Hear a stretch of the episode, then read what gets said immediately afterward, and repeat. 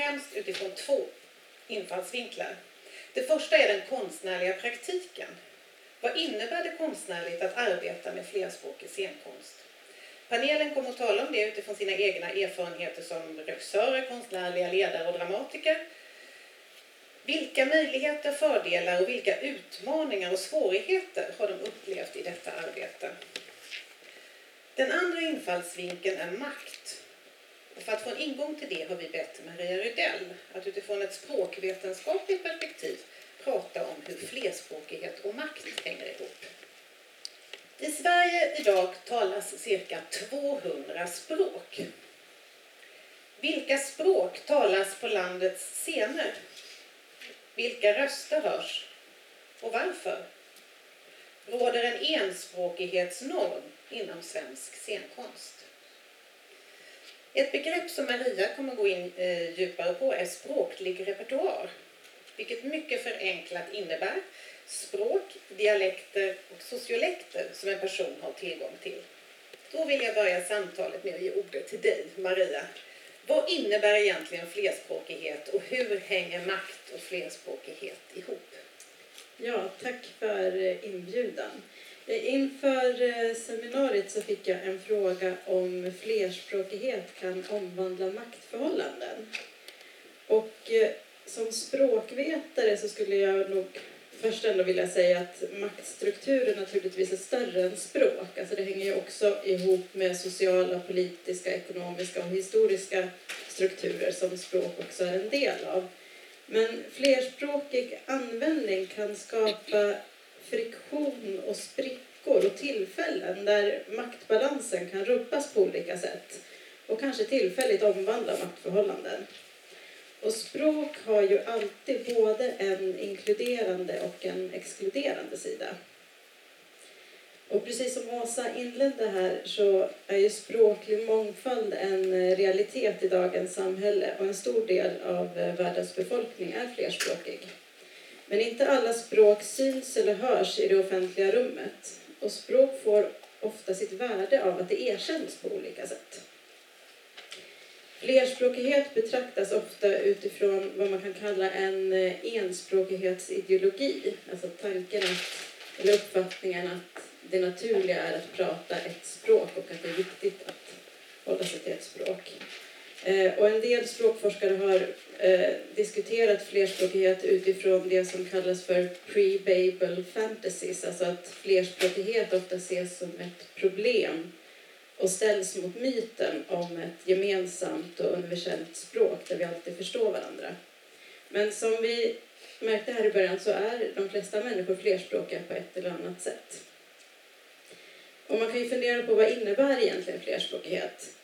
Ett sätt att prata om, den här, om de här frågorna är att använda begreppet språklig repertoar. Eh, och enligt en språkforskare som jag är lite inspirerad av som heter Birgitta Busch så innefattar vår språkliga repertoar mer än de språk och register och dialekter som vi behärskar eller känner igen på olika sätt. Utan hon menar att det också inkluderar våra språkliga erfarenheter eh, och känslor kopplade till språk. Våra tankar om språk och hur vi förhåller oss till språk. Även språk som vi önskar lära oss, kanske en gång har kunnat men glömt, eller minnen av min morfars språk eller något annat språk som, som på ett eller annat sätt finns i min livshistoria. Så när vi pratar om språk som ett kommunikationsverktyg kan man säga att vi lägger för stor vikt på språkets referentiella sida, alltså, alltså språkets förmåga att referera till saker i världen. För att i språkanvändning så är vi alltid utelämnade till oss själva och till andra. Och det gör att språkanvändning alltid har en känslomässig grund. Och särskilt negativa erfarenheter, alltså tillfällen när vi kanske inte har blivit förstådda eller förstått eller inte sett som legitima talare eh, har tenderat till att inskriva sig i vårt språkliga minnen. Alltså det är tillfällen som vi fäster stor vikt vid och kommer ihåg och formar vår bild av oss själva som språkbrukare. Och vi lever alla med olika språkliga repertoarer, där vissa delar överlappar och andra inte. Och här tänker jag som språkvetare att det kan finnas en potential för flerspråkighet i scenkonsten. Alltså att det kanske inte alltid handlar om att alla alltid måste förstå allting utan att man som publik också kan mötas i språkliga erfarenheter. Att man hamnar i en situation eh, där man helt plötsligt inte förstår och är beroende av andra för att förstå. Och en av de starkaste mekanismerna när man tittar på språkanvändning i ett maktperspektiv är eh, när man införlivar andras blick på sig själv. Alltså man utför någon form av självcensur, att man hellre tystnar än att man låter fel eller använder ett språk som i sammanhanget upplevs eh, som fel språk i fel sammanhang. Och det är en språklig erfarenhet som många eh, delar. Men flerspråkig användning kan också vara normöverskridande i och med att det strider mot själva uppfattningen eh, om att man bör hålla sig till ett språk i taget. Och, och flerspråkig eh, användning utmanar på så vis enspråkighetsideologin. Och en, en språkideologi möjliggörs ju dels av att man lyfter fram någonting som viktigt men lika mycket genom att man osynliggör saker. Så osynliggörandet av alla de här språken som faktiskt talas i vårt samhälle är också det som möjliggör enspråkighetsideologin. Så kanske händer det någonting när jag helt plötsligt i ett sammanhang där jag inte hade förväntat mig får användning för ett språk som jag kan men som väldigt sällan eh, syns eller erkänns eh, av andra. Och en situation som synliggör det som jag har pratat om eh, är tolksituationer. Alltså hur flerspråkighet både kan vara inkluderande och eh, exkluderande. Tolkning bygger på repetition och återgivning där båda språken är eh, lika viktiga. Eh, men det är en balans som väldigt lätt kan rubbas. Och det är också en social handling som bygger på förtroende. Och som exempel tänkte jag kort nämna en scen i Jonas Hassan Invasion. Hur många är det som har sett den? Ja. Kommer ni ihåg att det fanns en, eh, en stark tolkscen där? Ja. Eh, och den, det börjar med en, det är en asylsökande man som gömmer sig i ett hus och tillbringar dagarna med att plocka äpplen och kallas därför för äppelplockaren. Och en bit in i scenen eh, så börjar äppelplockaren berätta på sin svenska, vilket är en sorts andraspråksvarietet. Och det märks bland annat genom att man utelämnar verb, alltså han pratar om många drömmar, jag är sjuk. Äppelplockaren berättar att han drömmer om att ingen förstår det han säger och att han i drömmen eh, kallar på en tolk. Och då kommer en tolk in på scenen. Och nu börjar äppelplockaren prata ett främmande språk och i anvisningarna så står det persiska arabiska. Och det kan vara ett språk som vissa i publiken kan och andra i publiken inte kan. Och det börjar med att tolken exakt återger det äppelplockaren säger. Replikerna är relativt korta och börjar ganska artig och formell ton. Han säger det är en stor ära att få berätta min historia för er. Eh, och äppelplockaren motiverar användningen av tolk med att för han vill minimera risken för språkliga missförstånd. Eh, och äppelplockaren berättar med hjälp av tolken sin historia som asylsökande och hur mycket han tyckte om Sverige när han eh, kom. Men efter avslagen så börjar han hata Sverige. Och nu sker en skiftning.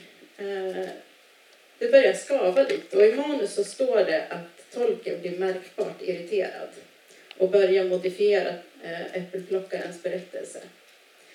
Och till en början så sker tolkens återgivning med vad man skulle kunna säga en så här ytlingvistisk jämvikt. Alltså det är ungefär samma antal ord, ungefär samma antal stavelser. Så det tar ungefär lika lång tid att säga. Men eh, han säger, att innehållet modifieras. Och allt eftersom så blir kontrasterna tydliga även för publiken som kanske inte förstår det äppelplockaren säger. Men äppelplockaren pratar om kulturella referenser. Eh, eh, och alltså Pavarotti, Björling och ABBA. Medan tolken förmedlar en berättelse om den stereotypiska terroristen. Någon som hatar USA och Israel och planerar ett självmordsdåd. Och när äppelplockaren börjar misstänka att tolken inte återger hans historia testar han honom genom att sjunga ABBA-låtar. Vilket leder till att han tystnar när han inser att tolken faktiskt inte alls återger det han säger. Tolken fortsätter en stund och lämnar en så symbolisk tystnad när äppelplockaren skulle ha pratat men lämnar sedan scenen. Och efter en stund så återupptar äppelplockaren sin egna berättelse men med sin svenska då som är en sorts eh, nybörjarsvenska om man ska säga.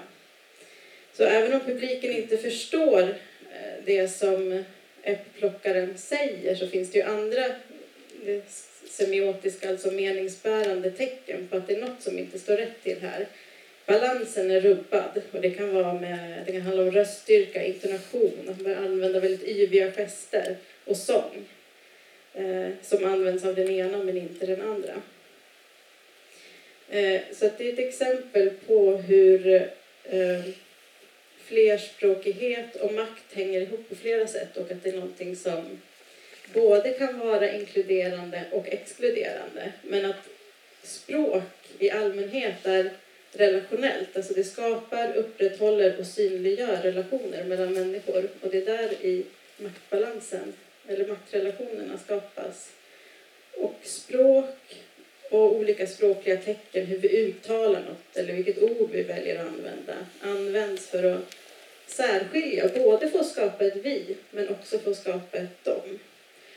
Och när vi pratar om språk så pratar vi också om människor. Man kan aldrig koppla språk från människan, så att säga.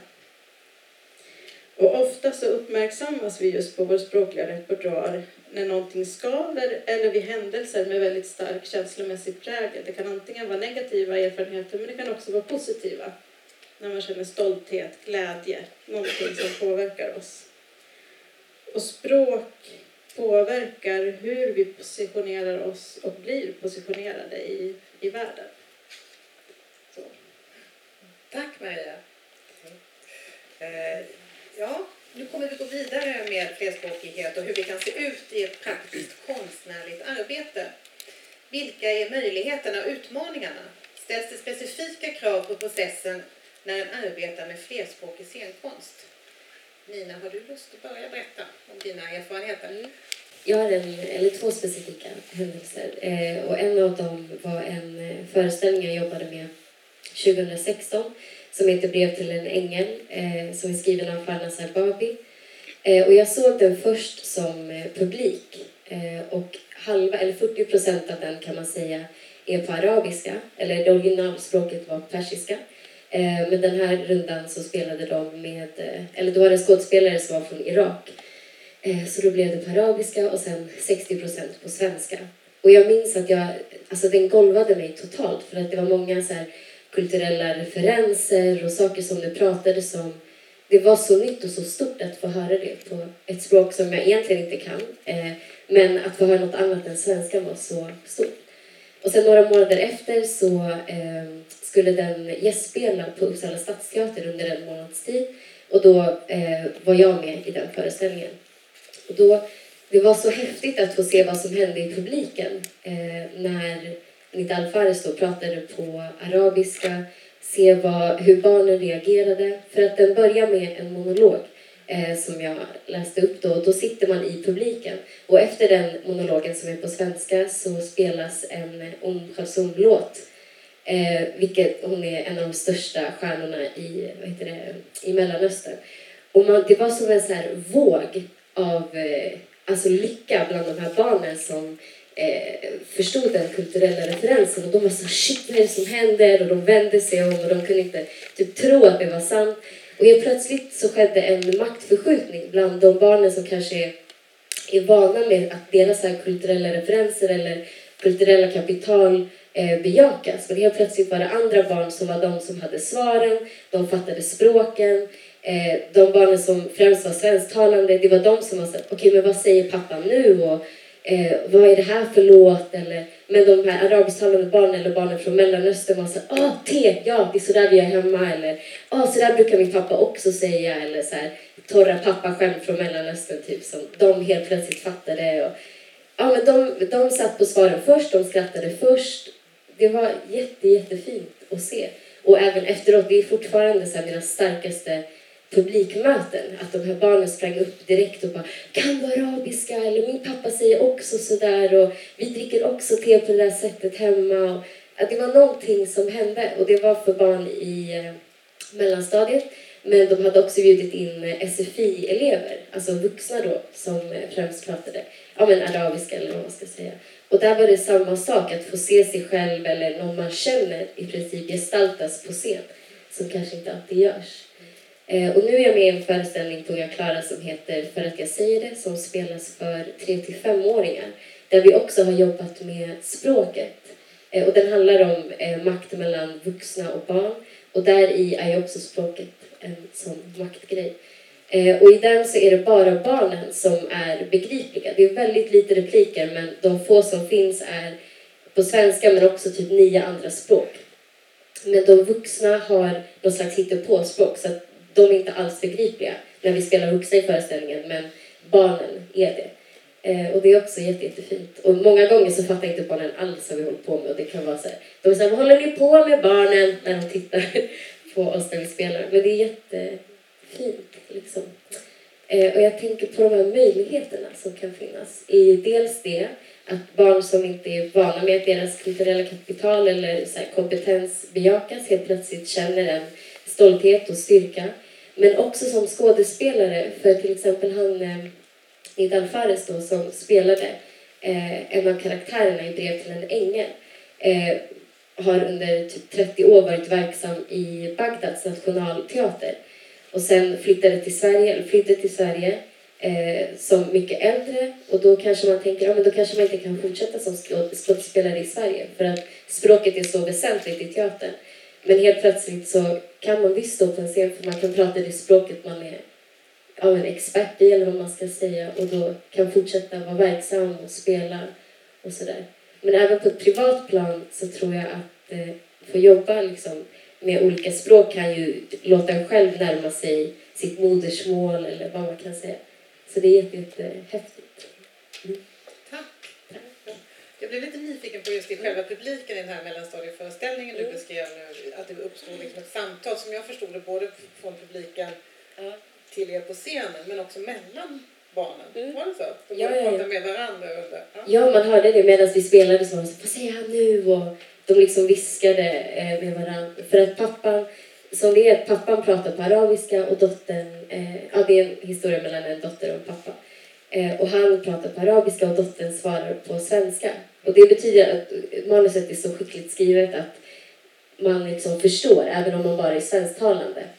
Men såklart är den som eh, förstår arabiska då, är den som kommer fatta först. För att den, eh, dottern nästan repeterar vad den säger så att man ska förstå. Och då är det ju de barnen som kan arabiska som sitter på sig. Svaren först eller fattar skämten först. Mm. Tack. Ja. Åsa, tänkte vi gå vidare? Om du har lust att berätta lite om, om eh, dina erfarenheter. Ja, först, eh, först och främst vill jag berätta om eh, min upplevelse av, av mitt modersmål, samiska. Jag kommer ifrån ett, en litet, ett litet samhälle i norra Norrbotten där 90 procent är samer 10 procent är svenskar. Eh, och min sameby då, som är där, som då är fortfarande är nomadiserade och flyttar till, till norska sidan på somrarna. I min sameby så talar 99 procent samiska. Så i mitt huvud anser jag att samiska är ett majoritetsspråk. Så jag blir lite förundrad när jag kommer till Sverige och det görs lagar som rör, rör mitt språk att vi helt plötsligt hamnar i en kategori som, som de fem nationella minoritetsspråken. Eh, jag har gått i skola i Karesuando, i en svensk skola. Eh, vi samiska barn fick inte prata samiska under skoltid. Det här var på 70-talet. Och när jag blickar ner till de andra liksom, samiska områdena så ser jag ju att många har tappat sitt språk på grund av språkförbudet. Samiskan har nio olika språk. Kom ihåg, vi bor i fyra länder. Sverige, Norge, Finland och Ryssland. Eh, i, i det som, i, inom det gränsområdet som, som ni kallar för Sverige så är det fyra språk. Och det är lika stor skillnad som mellan tyska och svenska emellan de språken. Eh, jag talar nordsamiska som är det största språket som fungerar i Nordnorge, Nordfinland, och i Nordsverige. Så eh, jag tänker så här först och främst om språket. Hur föds ett språk? Eh, vi har ju bott i det här landet ganska länge och det finns ju andra folk här i det här landet eh, som har funnits med oss i lång tid men ändå har vi ett annat språk och ni har ett annat språk. Då tänker jag att jag tror att språket eh, innehåller väldigt mycket liksom eh, värderingar, alltså hur man, kult, kulturella värderingar, hur man ser sin plats på den här världen, i, i världsalltet eh, och allting. Alltså, så språket gömmer en viss filosofi också. För jag ser till exempel eh, i mitt språk eh, ordet jord och mor är samma ord till exempel. Ni vet den här kända boken eh, Ednan som nu vann Augustpriset. Den betyder jorden men den betyder också min mamma på nordsamiska. Och sen tycker jag väldigt intressant att, eh, att i språket också det är vissa saker man inte kan säga. Det är vissa saker som vi inte kan säga med samiska men det kan jag säga på svenska. Och det är också många, många saker ni inte har i ert språk som vi har i vårt språk. som är intressant. Jag kommer ihåg när jag gick i skolan och hade hamnat i mellanstadiet och jag lärde mig svenska när jag var åtta år. Jag gick två år i skolan utan att förstå riktigt någonting. Eh, jag förstod när läraren sa mitt namn. Men det tog två år för mig att lära mig svenska och grammatik och allt så här. Så jag tänkte väldigt mycket i tolvårsåldern svenskarna måste säga fel när de säger jag andas. För att till exempel jag dansar, jag sjunger, jag springer. Men varför är det ordet i, i liksom den grammatiken? Det förundrade mig väldigt mycket och, och jag hade långa diskussioner med min svensklärare. Varför säger ni jag andas? Varför säger ni inte jag andar? Som vi säger med de andra orden. Jag tycker personligen att språk är någonting mycket, mycket, mycket intressant och det döljer sig någonting väldigt mycket som har med folksjälen att göra. Ehm, och för mig som en nu teaterchef på den samiska teatern och som samisktalande så anser jag att vi, den rätten att eh, använda samiskan är en politisk handling och den är viktig. Speciellt när man tänker på de som har mist sitt språk och som nu som vuxna strävar att få språket tillbaka. Eh, samernas position rent legalt i det här landet är ju också att grundlagen ändrade sig 2011 här i Sverige. Så nu finns det två folk i Sverige. Det är samer och svenskar. Så, så vi har egentligen samma kulturella rättigheter som den svenska befolkningen. Och, och vi har då också ett urfolksstatus.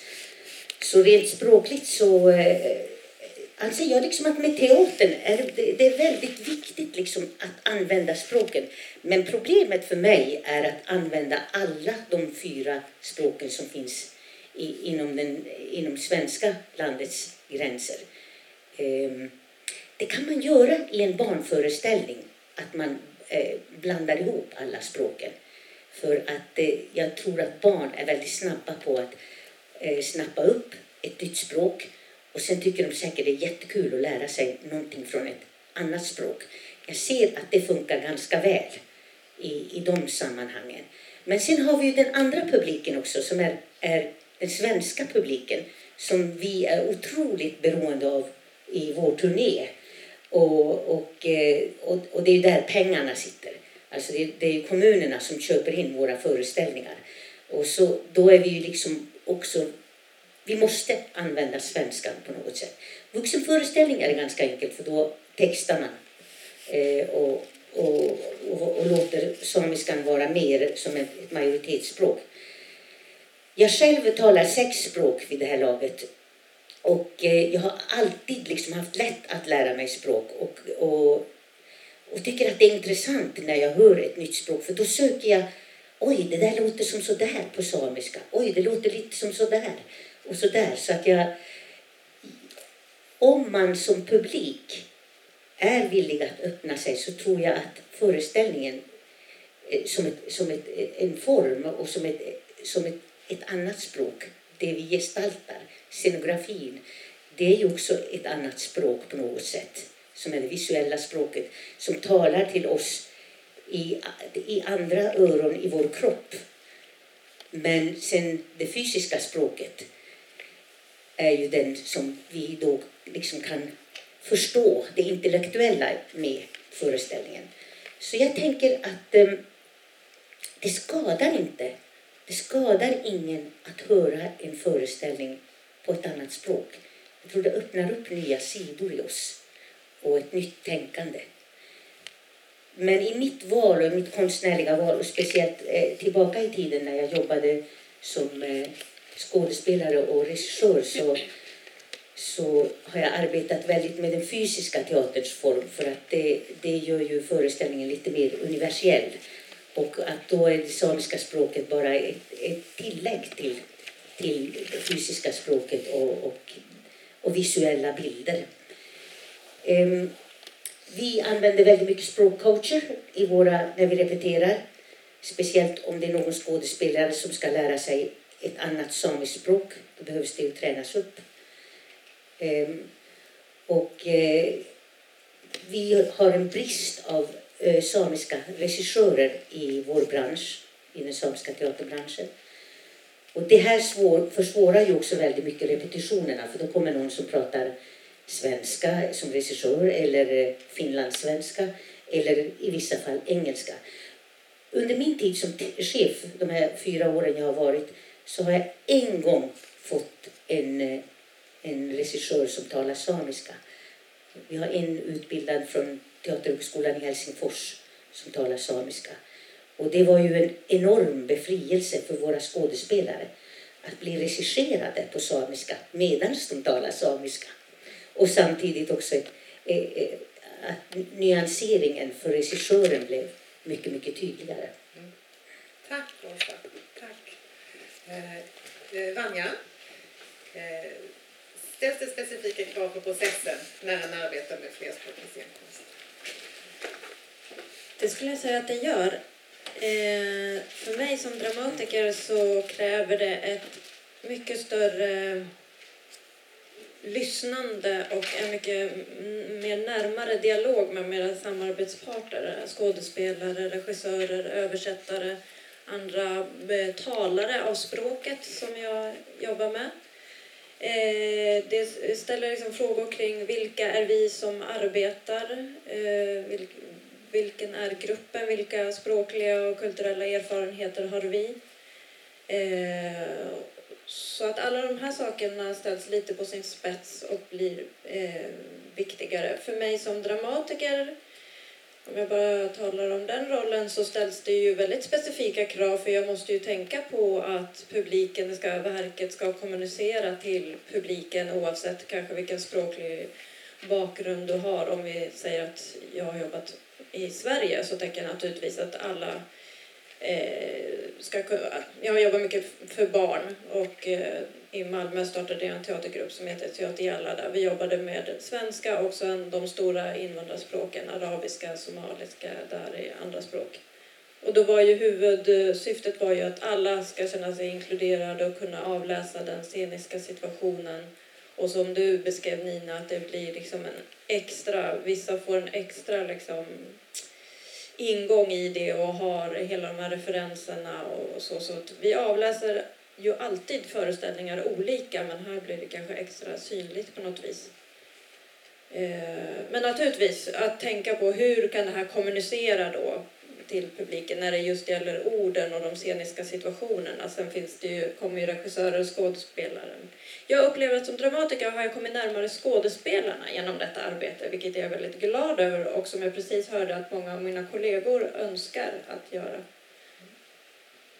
Och, och, vad tror du det är som har gjort det? Alltså just att, är det flerspråkigheten som har bidragit till det? Det blir ju som helt eh, avhängigt vem är skådespelaren som ska göra den här eh, rollen. Och oftast när jag jobbade i Teatergällade så jobbade vi med uh, ja, framförallt jobbade jag med en skådespelare som heter Ala Rashid som, som var liksom, då kunde jag skriva pjäserna utifrån att jag vet vem han, hans språkliga repertoar Eh, så, och så har vi en dialog som vi har skapat efterhand och vi kan säga, liksom förstå varandra i det här arbetet. Vad jag lämnar över till honom och vad jag, vi behöver göra innan. Att gå igenom med översättare och hela tiden eh, titta över texten och liksom göra det här arbetet mycket längre in i repprocessen kanske vad man brukar göra.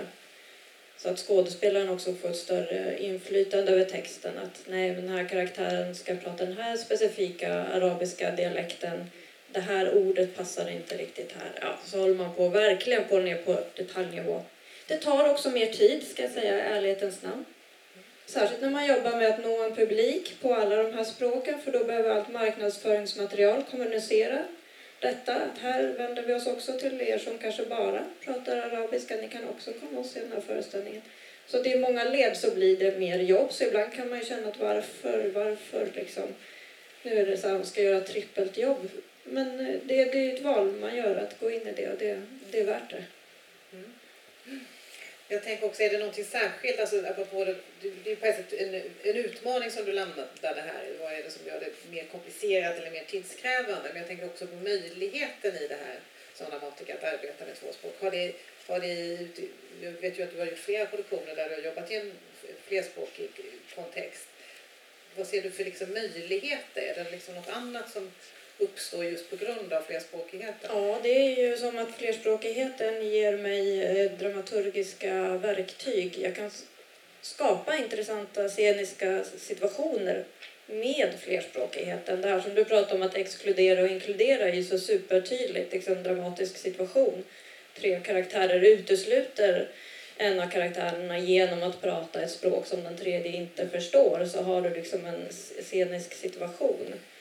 Eh, så mycket sådana saker som uppstår och sen tycker jag att det är enormt roligt att använda språk poetiskt och lekfullt och leka med eh, blandningar av språk, nya ord, eh, det här liksom andra språks varieté, liksom sönderbruten grammatik. Det är någonting som jag tycker mycket om att jobba med som dramatiker och det ger det här en möjlighet till Sen är det ju den stora anledningen till att jag jobbar med det, det är ju det som ni har berört liksom med maktperspektivet. Om man jobbar med flerspråkig dramatik så handlar det om makt, identitet och ideologi oavsett vilket ämne du tar upp, oavsett vilket tema du behandlar.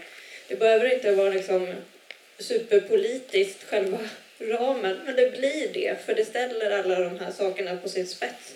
Vilka är vi i rummet? Vilka förstår nu? Vilka är exkluderade? Vilka är inkluderade? Vilka kulturella referenser? Kommer fram på scenen. Och, så det, det är det som är anledningen till att jag jobbar med det. det, det är Tack. Eh, jag tänkte gå vidare lite med liksom det publika perspektivet och möjligheter där. Maria, har du något, några tankar där? Eh, ja, dels det som har eh, kommit upp här såklart. Men, men jag jobbar ju inte aktivt med teater. Jag kan ju se det som språkvetare också ur ett samhällsperspektiv. Vi har ju en språklag i Sverige som eh, bland annat säger att de som har ett annat modersmål än svenska ska få utveckla och använda sitt modersmål. Och det bygger på att man får möta det i, i olika sammanhang och inte bara liksom det är svårt, för att, för att kunna utveckla sin flerspråkighet så behöver man fler personer att, att prata med. Så att teater blir då, får en jätteviktig roll i att utveckla eh, sin flerspråkighet. Eh, men också det som vi har varit inne på, att eh, det symboliska värdet av att eh, få vara den som förstår, få vara den som kan berätta för andra, eh, få se sina kunskaper synliggjorda. Jag kan, får jag bara haka in på det vad du beskrev Nina, för precis den upplevelsen hade jag jättestarkt när vi jobbade med Teater där i Malmö publikens reaktion. Det var det efter vår första föreställning som gjorde att vi fortsatte överhuvudtaget. För precis där hände att men du pratar ju det här språket, kan du översätta till oss? Och så blir det en rörelse i publiken av att de blir aktiva lyssnare och med Liksom, ja, men alltså det jag upplever en ökat uh, lyssnande, som ett förhöjt lyssnande nästan hos barnpubliken.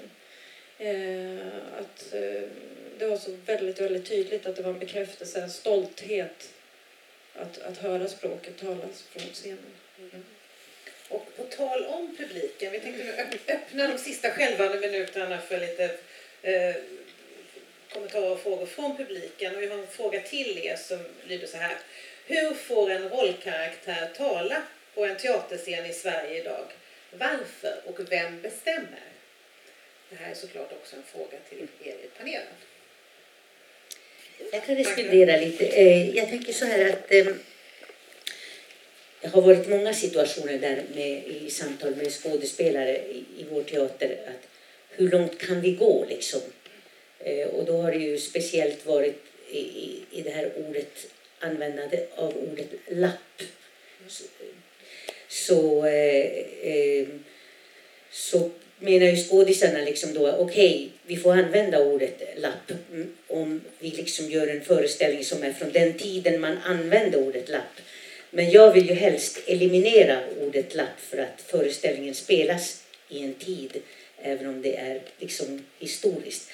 Jag tycker också det här att så länge, så länge vi eh, gör saker med värdighet så att vi inte använder liksom, eh, liksom de andra språken som inte är svenska i ett, i ett nedvärderande syfte så tycker jag det är helt okej okay att, eh, att tala på ett annat sätt. Men jag tycker att det måste vara någonting som man gemensamt, alltså ensemblen och, och det konstnärliga teamet har, har dryftat och bestämt tillsammans att, att vi står för det här. Mm. Tänker jag. Mm. Jag tänkte på det igår när jag såg eh, när vi träffade varandra eh, Riksteaterns föreställning, den här andra språksvarieteten som används i den föreställningen eh, som väl kanske inte är helt vanlig att höra tycker jag i, på en scen. Och så tänkte jag, hur kommer det sig då? Vem är det som har bestämt att det, att det blir så här? Ja, det är ju såklart man har bestämt att den här berättelsen ska berättas om en person som nyligen kommit till Sverige. Då måste ju den tala det här språket om vi ska ha någon slags trovärdighet i, på scenen. Och ja, vem bestämmer det? Ja, det var väl eh, dramatikern och regissören som kom med initiativet, som jag förstod det på samtalet igår, till den där föreställningen. Men sen är det väl liksom en förhandling i olika led då. Det är jag som dramatiker borde ju ha väldigt stor makt i det här, hur karaktärerna talar. Men det är alltid en förhandling med regissör och skådespelare och producent om vad producenten tänker att publiken eh, förväntar sig eller vill klara av eller vill höra. Eller, ja. Så det är någon slags förhandlings... Okay. Jag kan ge en kort kommentar på det, för det är just eh, svenska som andra språk som jag eh, jobbar med. Och där finns det ju, och just särskilt när det eh, den här enspråkighetsideologin att antingen så kan man ett språk eller så kan man det inte, ungefär som att det är ett eller noll. Men det är ju en, liksom en, en, ö, en process eh, att lära sig ett språk. Och ju fler språkliga varieteter vi blir vana vid att höra, liksom, desto mer ökar toleransen för dem. Och det kan man eh, titta på till exempel när det gäller eh, radio. Att om man tittar på reaktioner som kom in när man började använda reportrar som på något sätt i deras tal hördes att det inte var liksom modersmålssvenska eller infödd svenska eller standardsvenska eller man vill säga, så kom det in väldigt mycket reaktioner. På, och när man tittade på de reaktionerna så kunde man se att det var exakt samma typ av reaktioner första gången man började använda personer som pratade dialekt. Och gick man, att det, det liksom också bröt mot normen.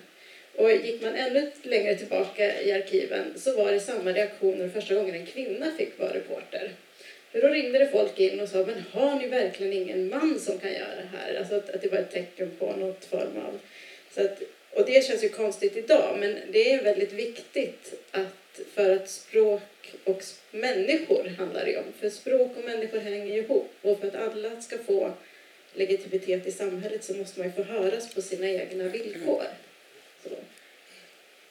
Jag vill gärna göra en liten kort nu i, i, svenska språket så är det väldigt vanligt att vi hör folk som, ja, när vi pratar svenska så säger man yes till varandra, eller hur? Det är ganska normalt.